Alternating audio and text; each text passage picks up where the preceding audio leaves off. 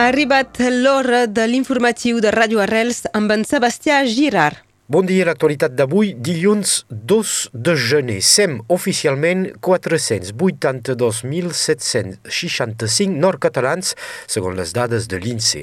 La població de Catalunya Nord continua augmentant per bé que coneixem una lleugera desacceleració. El creixement de la població és clarament degut a l'arribada de gent vinguda de fora, sobretot del nord de l'estat francès.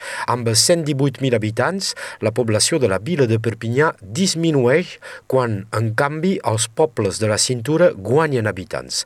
El 42% dels catalans del nord viuen en l'aglomeració de Perpinyà. La plana i la costa són els territoris que més guanyen habitants. Després de Perpinyà, Canet, Sant Esteve, Sant Cebrià i Argelès són les ciutats més poblades de Catalunya Nord. El 2023 comença amb molts canvis. Des de l'1 de gener, el salari mínim augmenta d'1,8% i se situa ara a 1.353 euros nets. El 2023 marca també la fi del segell vermell, que és reemplaçat per un sistema híbrid. El segell de correu prioritari existia des del 1849, és ara substituït per una carta electrònica. Tot se fa en línia, cal ara entrar una adreça e-mail que la posta s'encarrega d'imprimir. També enguany serà més car d'anar per l'autopista.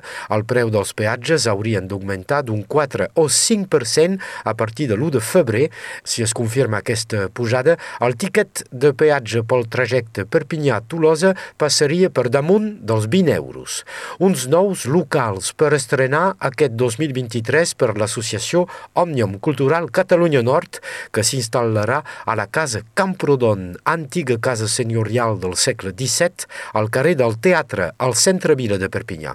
Fins ara, Òmnium havia compartit locals amb el Centre Cultural Català. Enguany, l'entitat engegarà un nou pla d'activitats i firmarà un nou conveni amb Òmnium del Sud. La inauguració dels nous locals es farà a la primavera.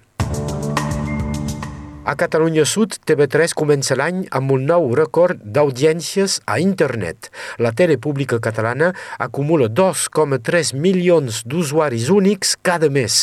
És un rècord que situa TV3 com la televisió amb més audiència digital.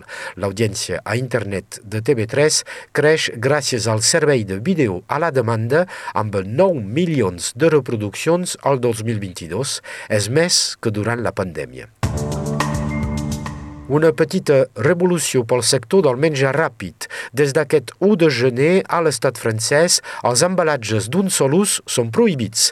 Els plats, els gots i els coberts han de ser ara reutilitzables per lluitar contra el malbaratament.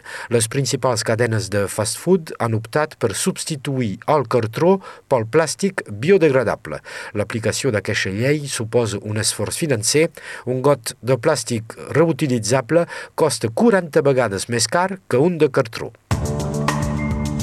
és segurament una de les informacions més inquietants del 2023. El fabricant d'armes Kalashnikov anuncia que desplegarà una nova gamma de drons de combat enguany. El dirigent de l'empresa russa, Alan Lushnikov, ha anunciat que apostaria clarament per la fabricació de vehicles aeris sense pilots de nova generació amb l'afany de desenvolupar el potencial militar de l'armada russa. o notă pozitivă. Per començar l'any, el Festival 10 sobre 10 dedica avui la seva programació al Brasil, una ballada samba a càrrec de Nadia Saadi i Rodolfe, una exposició excepcional de vehicles brasilers importats per l'empresa Wheelbox i una trobada gastronòmica per compartir una feijollada, un fricot brasiler cuinat pel xef Xavier Chichoro, tot això a partir de les 5 de la tarda a la Casa Musical, entrada 5 euros.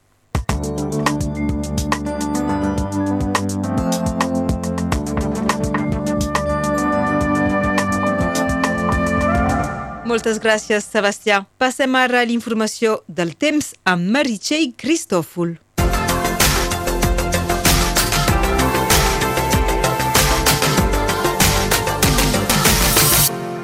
Dia, comparat a la resta del país, és a la plana del Rosselló on el vent bufa més fort avui. Se cal esperar a uns 30 km per hora pel que fa a les ràfegues màximes. El vent fa baixar la humitat i les temperatures són constants. 15 graus a Perpinyà i a Salses, 14 a Banyuls de la Marenda, 13 a Prats de Molló, 12 a Prunet, 11 a Pi, 10 a Prada i a Palau de Cerdanya i 6 a Puigbalador. Aquesta tarda el sol se pondrà a les 5 hores i 26 minuts i avui celebrem Sant Macari i Sant Gregori.